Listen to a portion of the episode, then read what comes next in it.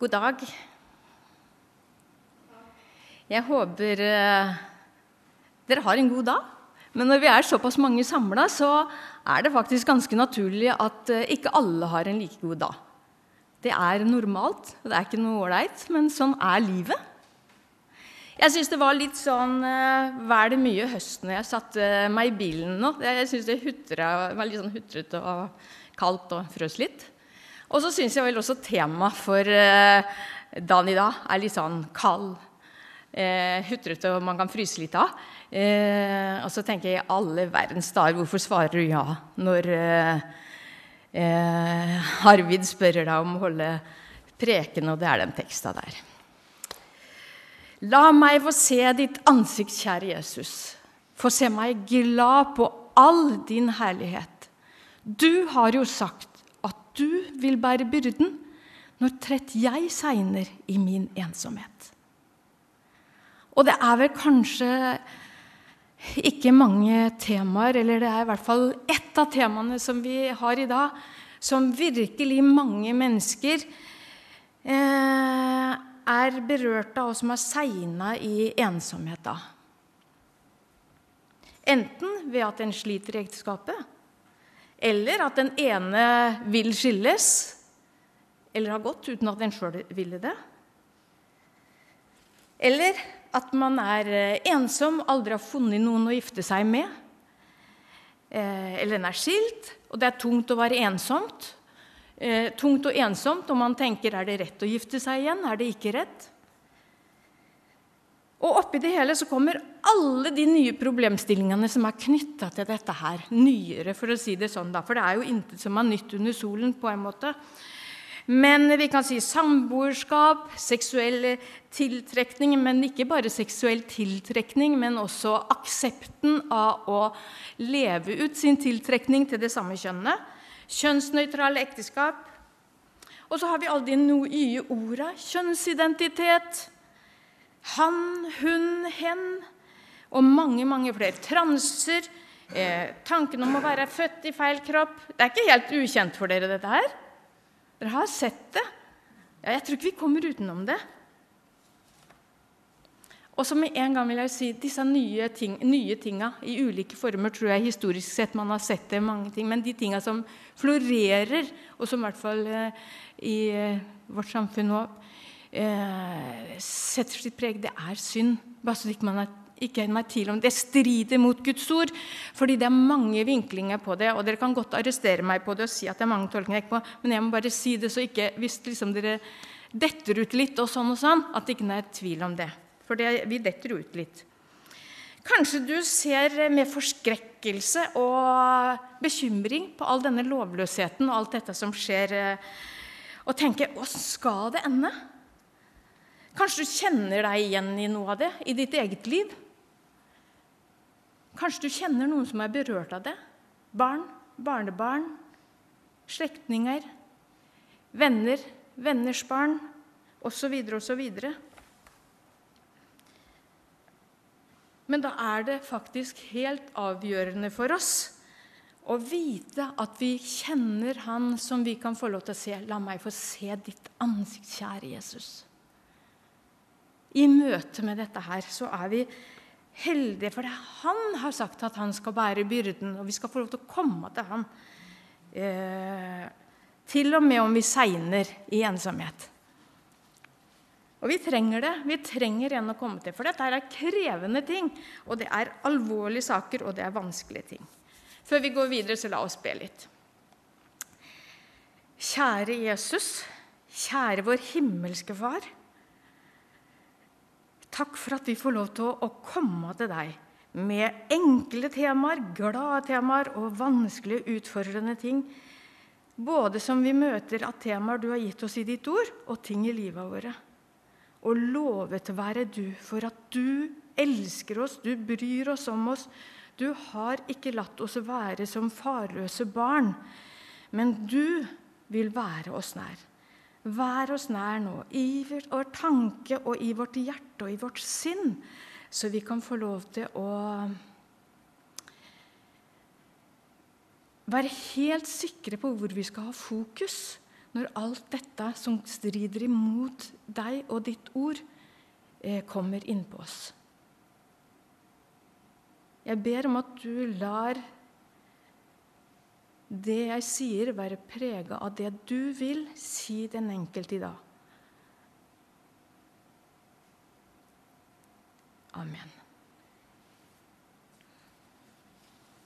Teksten den er henta fra Markus 10, fra det andre kapitlet. Dere kan følge med på skjermen. Det er så kjekt når en kan det.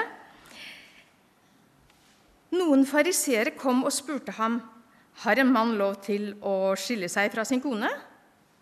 De ville sette ham på prøve. Hva har Moses påbudt dere? sa han. De svarte. Moses har tillatt mannen å skrive skilsmissebrev og sende henne fra seg. Da sa han til dem, fordi dere har så hardt hjerte, har Moses gitt dere dette budet. Men fra begynnelsen av, ved skapelsen, skapte Gud dem som mann og kvinne. Derfor skal mannen forlate sin far og mor og holde fast ved sin kvinne, og de to skal være én kropp. Så er det ikke lenger to, de er én kropp. Og det som Gud har sammenføyet, skal mennesket ikke skille. Da de var kommet til huset igjen, spurte disiplene han om dette.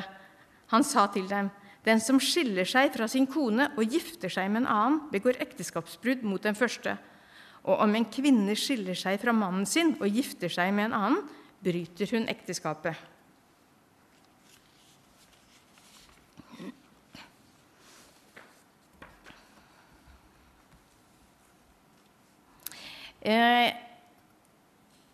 Vi skal berøre fire eh, sider av teksten i dag. Vi skal se litt på det ene, som eh, var at de ville sette ham på prøve. Og så skal vi se litt på ekteskap, skilsmisse og gjengifte. Så skal vi se på det med til mann og kvinne. Og så skal vi se på at ordet, og ikke vi, som dømmer og skal dømme. Så nå kan dere bare slå dere til ro. Jeg tror vi kan holde på Jeg håper dere eh, har med matpakke, for jeg tror vi kan holde på faktisk kanskje ja, noen dager. I hvert fall. Det er et stort tema. Nei da. Eh, de ville sette ham på prøve. Det var faktisk en ganske vanlig dag i Jesus' liv når vi leser teksten. Folk samla seg om ham, og han underviste, akkurat som han pleide å gjøre. Og I denne situasjonen så kom også farisererne. Det var også noe som var vanlig. De var veldig ute etter å følge med hva denne, eh, denne personen, denne Jesus, sa og gjorde og fant på. Eh, så jeg anbefaler les Markus eh, nå de neste dagene. fordi Markus han, han, gjør oss litt oppmerksom på det flere ganger. faktisk, Det med fariseerne og de skriftlærde og hvor skeptiske de var. Og Det var kanskje ikke så rart heller. Fordi de var jo tross alt de eh, sakkyndige og de eh, profesjonelle på Skriften. Og så kommer det en her og angriper liksom ordet fra helt andre kanter og på en helt annen måte. Og til og med sier dem imot. Men det er ikke nok for fariseerne å bare holde øye med hva Jesus gjør. Nei, nå setter de han også på prøve. Eh, de kom altså ikke til Jesus av nød med dette spørsmålet. Men Eh, og ikke fordi de kjente noen som kanskje ble mishandla hjemme eller hadde så store problemer i samlivet at de krangla så det gikk utover både dem sjøl og ungene. At det var vold, at det var utros. Det var ikke det de kom for. De kom ikke av nød. De kom for å sette Jesus på prøve. Eh, og eh, Når de da spør har en mann lov å skille seg fra en kone, så skjer det noe ganske interessant. Fordi Jesus svarer ikke med sånn og sånn er det. Han svarer med et spørsmål. Hva sier Moses? Og Det som da også er interessant når vi følger denne her rekka der, er at de da ikke For jeg tenker, hva sier Moses om ekteskap og skilsmisse? Det hadde vært naturlig for dem at de med en gang løfta opp eh, loven, buda som Moses hadde fått. Eh, Og så svarte at eh, Jo, de ti bud. Du skal ikke bryte ekteskapet, du skal ikke bryte hor. Er det det de svarer? Nei, de svarer ikke det. De svarer med noe helt annet. De sier Moses har eh, tillatt mannen og gi kvinnen ekteskapsbrev. Nå skal jeg lese helt riktig. så det blir. Moses har tillatt mannen å skrive skilsmissebrev og sende henne fra seg. Men Jesus han, og det, jeg er så imponert over det, for når jeg får sånn, en, noe sånn greie tilbake, så kan jeg bli litt sånn tatt og så tenke ja, men det var jo ikke det jeg svarte om. liksom sånn, Bite litt på kveruleringa.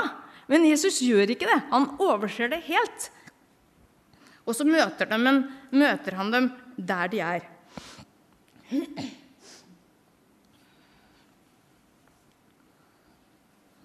For mens Jesus spørrer hva har Moses påbudt dere, pålagt dere, så svarer de med hva Moses har tillatt. Kan dere se forskjellen?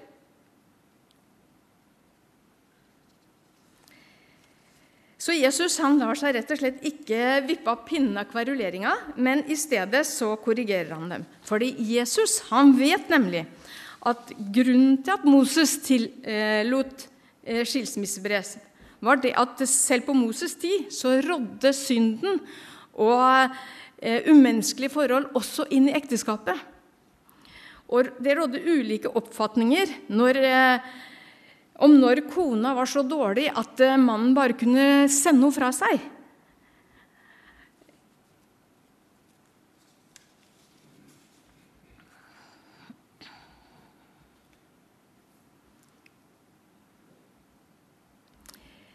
Så Jesus visste, han kjente tankene deres, han visste hvor de var hen.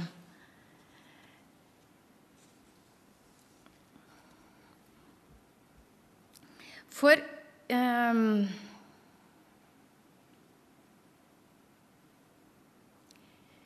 For Jesus han visste at fariseerne visste at det var på grunn av de hårde hjertene at Moses hadde tillatt dem å skrive skilsmissebrev, for at det fantes ingen ordninger for kvinner økonomisk, sånn som det gjør i, i våre sosiale systemer. Det fantes ingen steder barna ble ivaretatt hvis mannen sendte dem ut. Og Jesus visste også at eh, de ble sendt ut og had, var da prisgitt enten at foreldrene tok seg av dem igjen, eller at det var en annen mann som kom og tok seg av dem. Ellers så, vis, eh, eller så overlevde de ikke. Dette visste Jesus at fariseerne visste om tida på Moses. Tida da Moses levde. Og han visste også det at eh, fariseerne var klar over at eh, mennene på Moses tid de, hvis de sendte kvinnen fra seg, så kunne de komme tilbake på et senere tidspunkt og si at de ville ha dem tilbake. Det var kjekt å hente inn eh, barna når de var voksne, så de hadde arbeidskraft, og kanskje kona på nytt igjen. Dette her var ting som ble regulert ved at Moses tillot skilsmissebrev. Det var noen som trengte å voktes. Og Jesus visste det, så derfor så lot han seg ikke vippe av pinnen, men han korrigerte dem.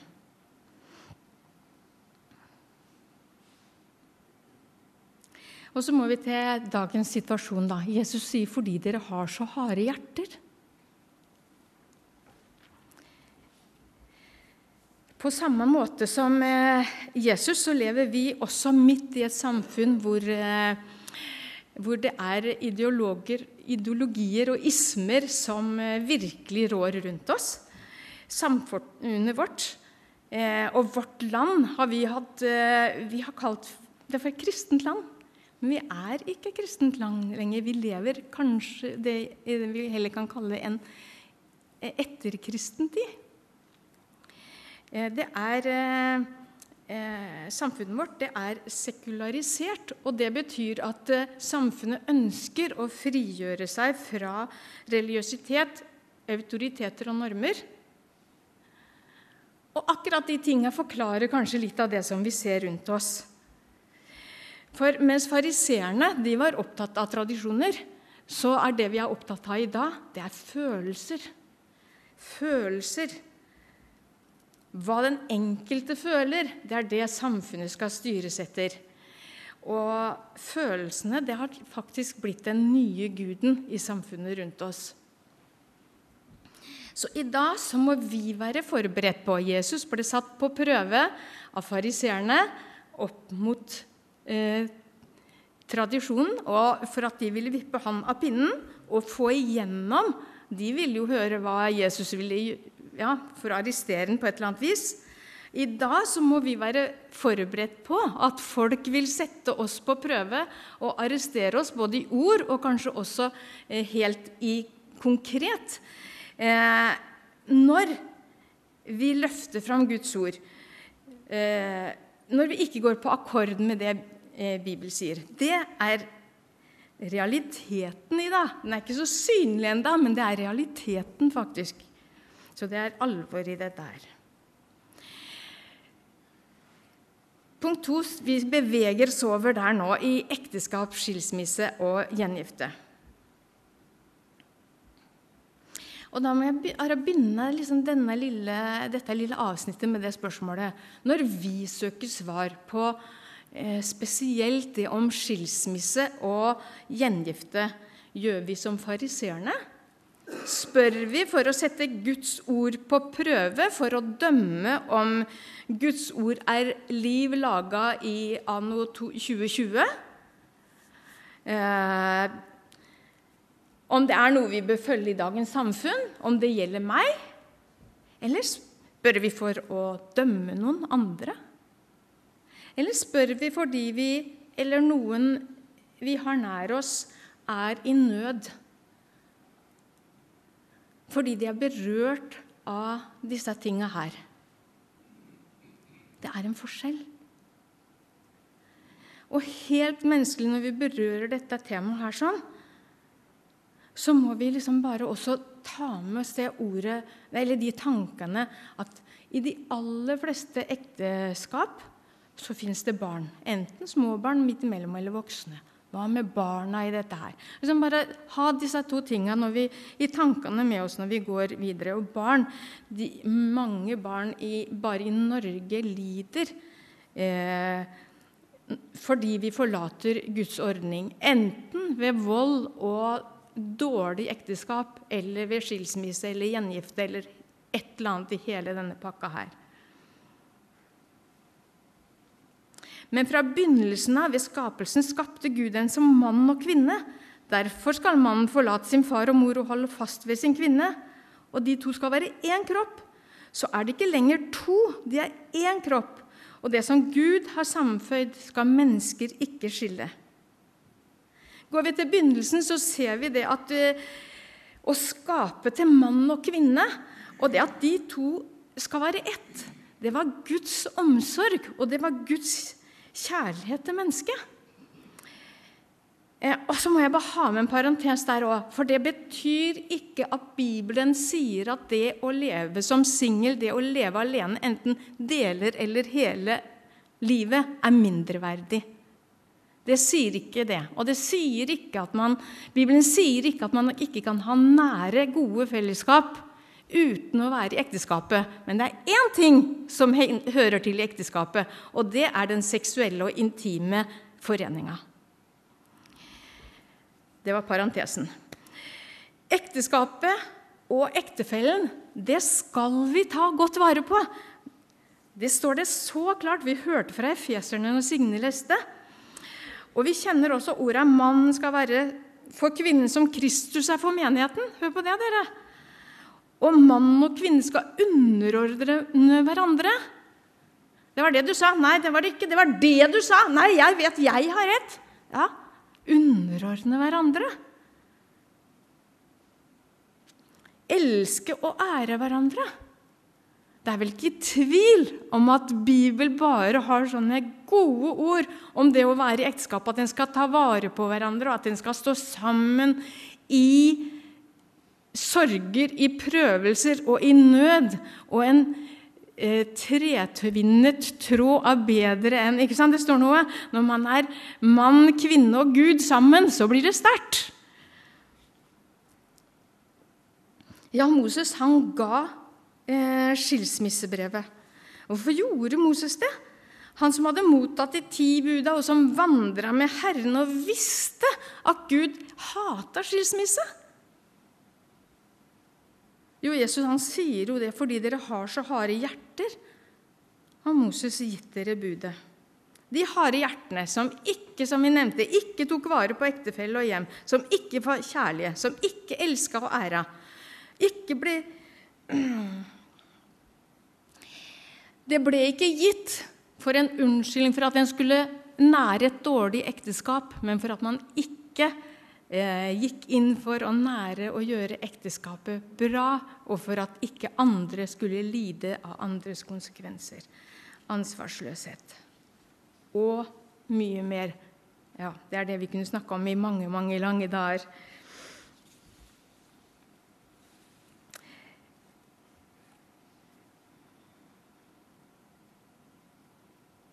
Disiplene de fikk en videre utlegging. Det. For det sto at eh, når de kom i hus, så, eh, så spør de eh, Jesus om dette her. Og da sier han eh, den som skiller seg fra sin kone og gifter seg med en annen, begår ekteskapsbrudd mot den første.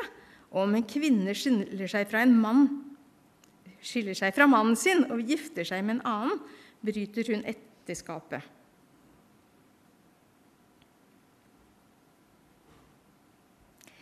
Det er mulig at eh, det Jesus sier her, kan spores til det uttrykket 'den uskyldige part'. Det er et uttrykk som jeg tror mange både i Delk og andre kristne sammenhenger har litt i vranga. For hvem er egentlig den skyldige part? Og er det ikke alltid to om saken i ekteskapet?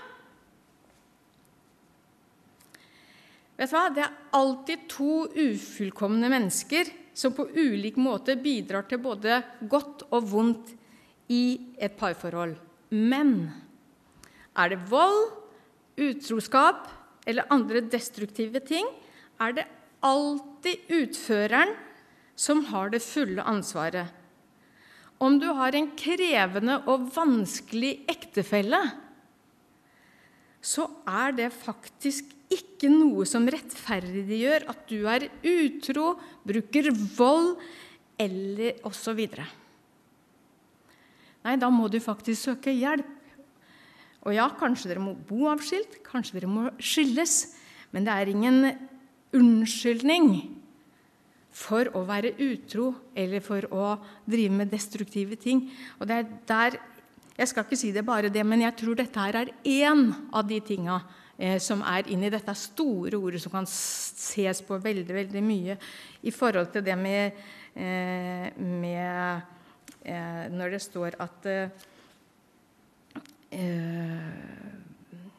den som skiller seg fra sin kone og gifter seg med en annen, begår ekteskapsbrudd mot den første.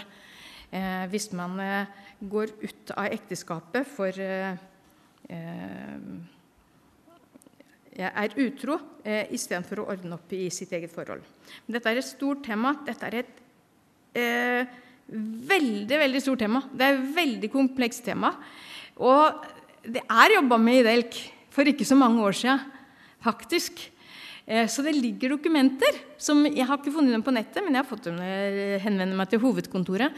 Og jeg oppfordrer dere, sett dere litt inn i det, les dette her. Jeg skal ikke gå videre inn i dette nå, for da kunne vi holdt på i alle disse dagene som jeg om. For det er litt andre ting som jeg fikk på hjertet. Eh, for jeg tror det er helt vanlig at vi oppfatter denne teksten her at den hovedsakelig dreier seg om ekteskap skilsmisse og gjengifte. Og det tenkte jeg jo helt til jeg begynte å sitte, sette meg og forberede meg på disse, denne prekenen i dag. Og da kom det også noen andre ting som jeg skal ta med meg litt eh, fort av, som jeg også har vært litt, eh, litt innpå. Um, og det er, Da går vi over til det neste punktet som jeg nevnte, og det er til mann og kvinne. Og jeg tror det er når jeg fikk det lagt liksom sånn litt inn på meg, så tenker jeg at det handler litt om at dette her er noe vi møter også i dag. Og kanskje eh, det er vær så aktuelt for dere som er her, å forholde dere til det som til skilsmisse og gjengifte. ikke sant? Men ekteskap, at vi tar vare på det, er jo noe som alltid, til alle tider, gjelder alle som er gift. Eh, men hva betyr så det? Eh, at vi er skapt til mann og kvinne? Hvis vi går til eh, Første Mosebok 1.26, var det det du leste fra, Signe? Nei. Men i hvert fall i eh, Første Mosebok 1.26, der står det det. Herren sier, 'La oss lage mennesket i vårt bilde, så de ligner oss'. Og, til, eh, og i Første Mosebok 2.24, eh, som Jesus eh, siterer fra i dagens tekst, der står det 'Derfor skal mannen og kvinnen være ett, og de to skal være én kropp'. For et par dager siden så leste jeg noe på, selvfølgelig på nettet. det er ikke der vi leser alt. Der var det noen som sa eh, de, drev, de, driver faktisk veldig sånn stort eh, engasjement for at par skal få det bra. og sånn, Gjør helt sikkert mye ar bra arbeid, men jeg stussa på én ting, for der sto det eh, Jeg tror de er gifte òg, altså, så det ikke, går ikke på det, men dette går på en liten sånn en. Det sto 'Vi vil ikke være ett'. Eh, Sjøl om vi er Det er oss to. For da vil vi jo bare undertrykke hverandre. Vi vil være to, sjøl om vi er i et parforhold. Og da tenkte jeg aha, kommer det inn der også? Og så tenker jeg har, Hvor mange har hørt om uttrykket 'født i feil kropp'? Mange. Mange har hørt om det. Når vi holder sammen at vi er skapt til mann og kvinne, og at vi er skapt i Guds bilde, så går det faktisk ikke an å være skapt i feil kropp. For vi er skapt til å være et bilde av Gud. Og nettopp derfor så skapte han oss til mann og kvinne. Ikke et hav av kjønnsidentiteter, sånn som det snakkes om i dag. Jo, vi kan føle litt av hvert. Det har vel til alle verdens tider vært sånn at vi mennesker har følt det ene og det andre. Jeg var redd, jeg følte jeg var redd, sier eh, Adam. Og derfor gjemte jeg meg. Han var jo redd, for han hadde jo synda mot Gud. Han følte plutselig. Ja,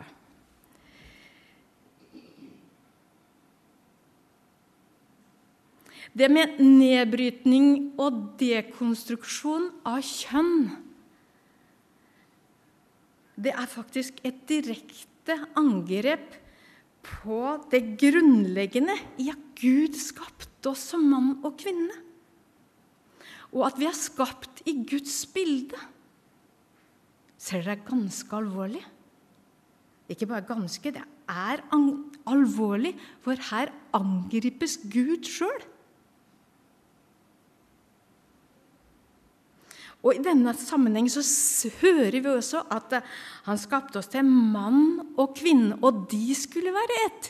Ikke mann, mann, eller kvinne, kvinne, eller mann, mann, kvinne, eller mann, mann, mann, kvinne, kvinne, eller kvinne, kvinne, mann, mann, mann.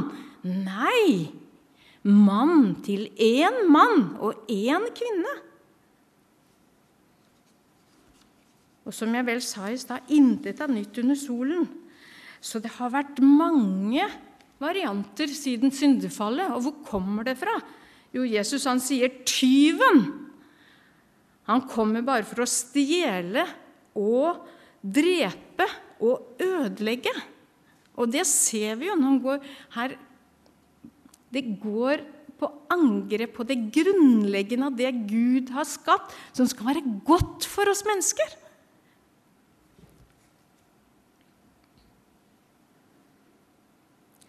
Og i dette her som skjer, så får vi også se at når vi forlater biologien, så fornekter vi faktisk Gud som skaper, og Guds autoritet over skaperverket.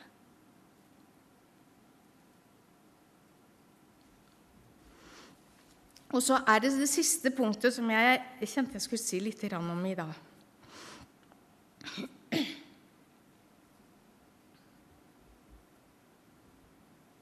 Ordet, og ikke vi som dømmer eller skal dømme.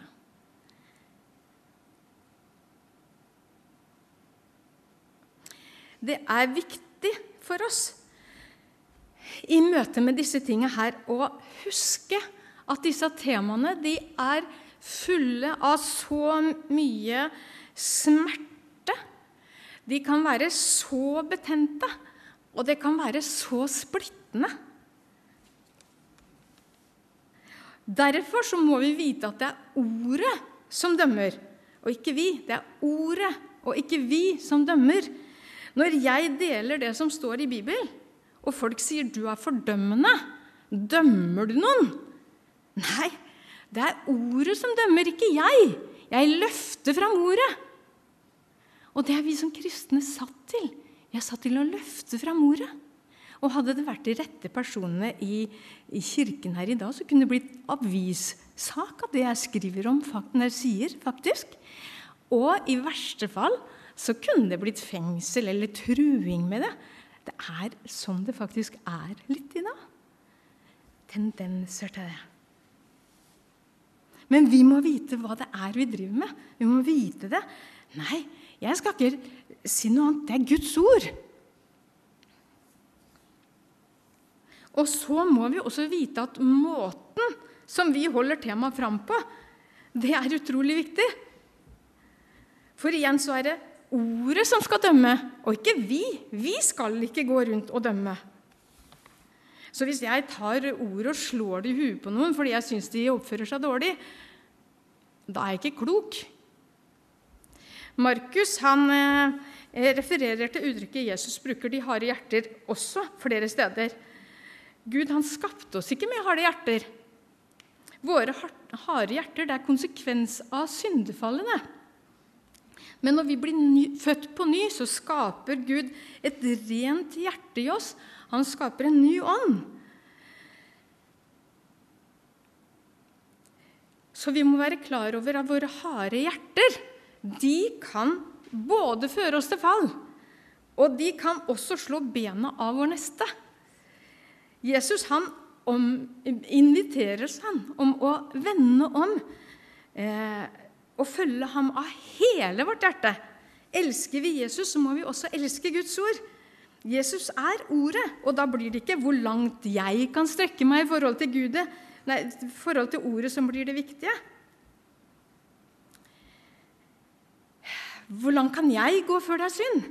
Nei, det som er viktig, det er jo at jeg har et ønske og en lengsel etter å følge ham, etter å følge Jesus, etter å følge Frelseren min. La meg få se ditt ansikt, kjære Jesus, når det er så mange andre ting som frister. Eller forvirrer.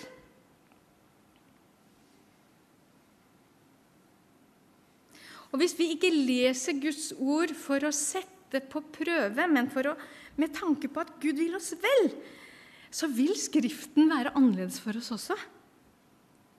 Men det betyr ikke det at det alltid og umiddelbart er lett. Det er ikke alltid eh, lett å følge Guds ord og la være å gå på akkord med Guds ord.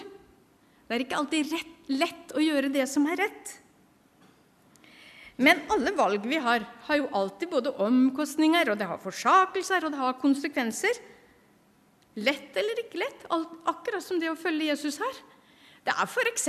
ikke alltid lett eh, å være gift heller. Det har sine omkostninger, det har sine forsakelser, det har sine forpliktelser. Det kan både ha utfordringer og smerte også.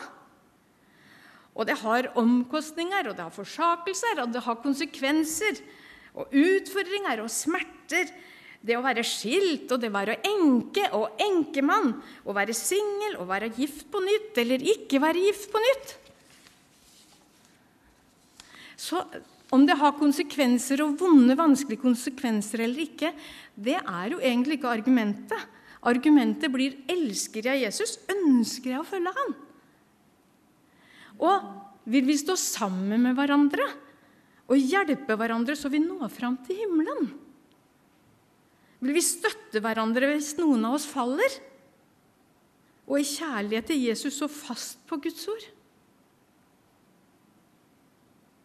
Så hvis barn, søsken, venner, barnebarn, noen vi kjenner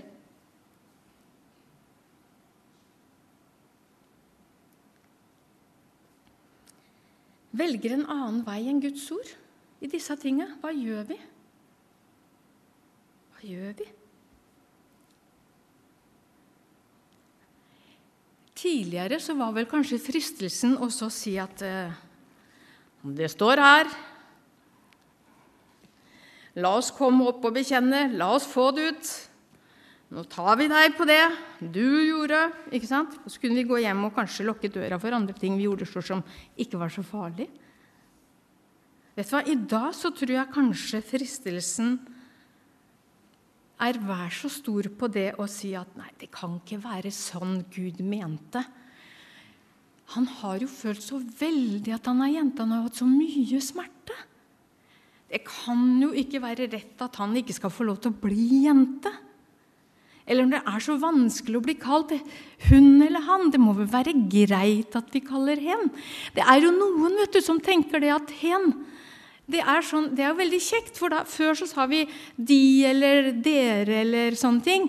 Eh, men nå bruker vi så mye 'hun' og 'han'. Men hvis vi da ikke vet Si at eh, eh ja, Et eh, eksempel eh,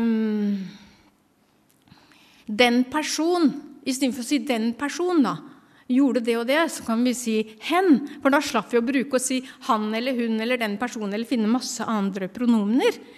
Men, og det var jo sånn det kjørte litt ut i starten eh, noen steder også, at det var det 'hen' skulle være. Men det er jo ikke det 'hen' er. 'Hen' er de som ikke vil, ikke vil være han eller hun. Så det er noe helt annet. Og Det er jo det som er noe av dynamikken i alle disse nye orda, disse nye ordningene nå. Det kommer ut som én ting, men det ender opp som noe annet. Løgnens far har masse, masse å si inni dette her.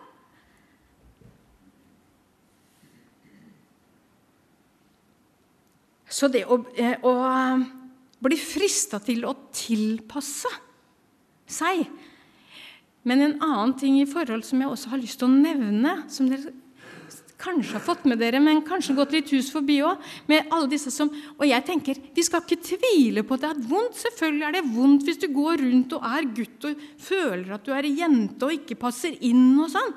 Men punkt én Veldig, veldig mange av de som i den nyere tid har dukka opp med det, de har også andre diagnoser som ingen har klart å hjelpe dem med. 90% faktisk. Det er ganske mange. Så istedenfor å hjelpe dem til å bli, finne roa i seg sjøl, hjelpe dem til å, å, akseptere, så finner de liksom et nytt håp. Søke trøst i sprukne brønner, har vi lært. Så var det én ting til jeg skulle si på det, men det ble bare borte.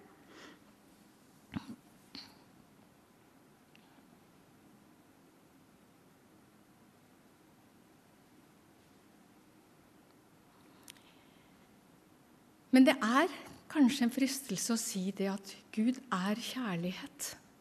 Så han må jo godta. Eh, og det er jo selvfølgelig den enkleste veien.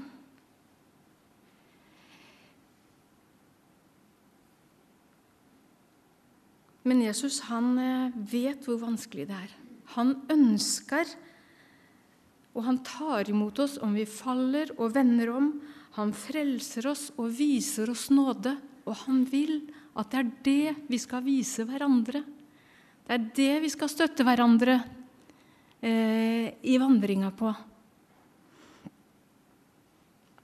For han slår aldri av på Guds ord. Han slår aldri av på Guds ord.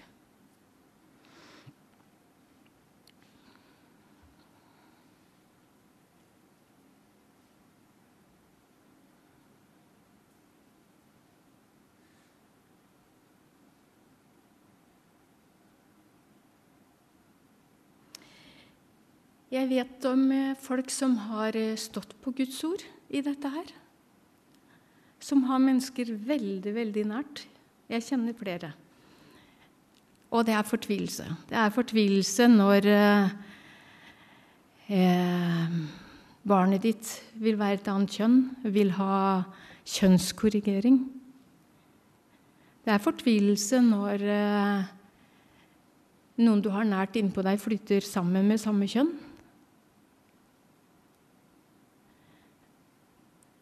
Og det de opplever, det er ikke, det er ikke noen sånn eh, gullgater, det, altså. De som står på Guds ord. Noen blir vendt ryggen. Noen blir spotta. Noen blir anklaga for at uh, dere er ikke glad i meg lenger. Og som regel for den som uh, velger den andre veien, medhold av fagfolk, av hjelpeapparatet. Så den som står igjen og sier at 'jeg elsker deg, men det er ikke rett' At du som kvinne har flytta sammen med en kvinne, det de river i kroppen. Men Jesus han møter oss alle med 'Dine synder er deg tilgitt'. Gå bort og synd ikke mer. Men han slår aldri av på Guds ord. Og sjøl om mange opplever stor kamp, stor nød, så hjelper vi ingen ved å godta synd eller lage våre menneskelige regler. Vi trenger visdom vi, og kjærlighet fra vår himmelske Far. For vi ønsker å være med og følge mennesker sammen, så vi sammen kan komme fram til himmelen, til det evige livet. Til tross for utfordringer og snublesteiner. Og i dette som alt så kan vi se på hva gjorde Jesus da? Han sto midt i dette her når de prøvde noe, når de prøvde å stene og kaste på og forfulgte noe, og spotte spotta og spytta på noe. alt. Hva gjorde Jesus? Jo, Jesus han brukte tid alene sammen med far. Han holdt fast på sannheten, han holdt fast på Guds ord. Og så visste han omsorg for enkeltmennesket. La meg få se ditt ansikt, kjære Jesus. Få se meg rik på all din herlighet. Du har jo sagt at du vil bære byrden når trett jeg segner i min ensomhet. Kjære Jesus, lovet være du, Herre Gud og vår Far, som har omsorg for oss midt i vår nød, midt i vår sorg, midt i våre prøvelser. Vi takker deg og vi priser deg og vi lover deg og vi ber om å vise oss nåde, visdom og barmhjertighet, både oss som er her, familiene våre, barna våre, barnebarna. Ber deg for skolen vår, for elevene, for lærerne, for eh, foreldrene som er midt i dette, som lever med trykk fra dette på alle kanter. Og vi ber deg for nasjonen vår, Herre. Vi som kunne flagge med det norske flagget, med korset i flagget. Vi har forlatt ditt ord. Og Jesus, jeg ber om at du tilgir oss, og at du lar oss vende om. La oss vende oss til deg, Herre.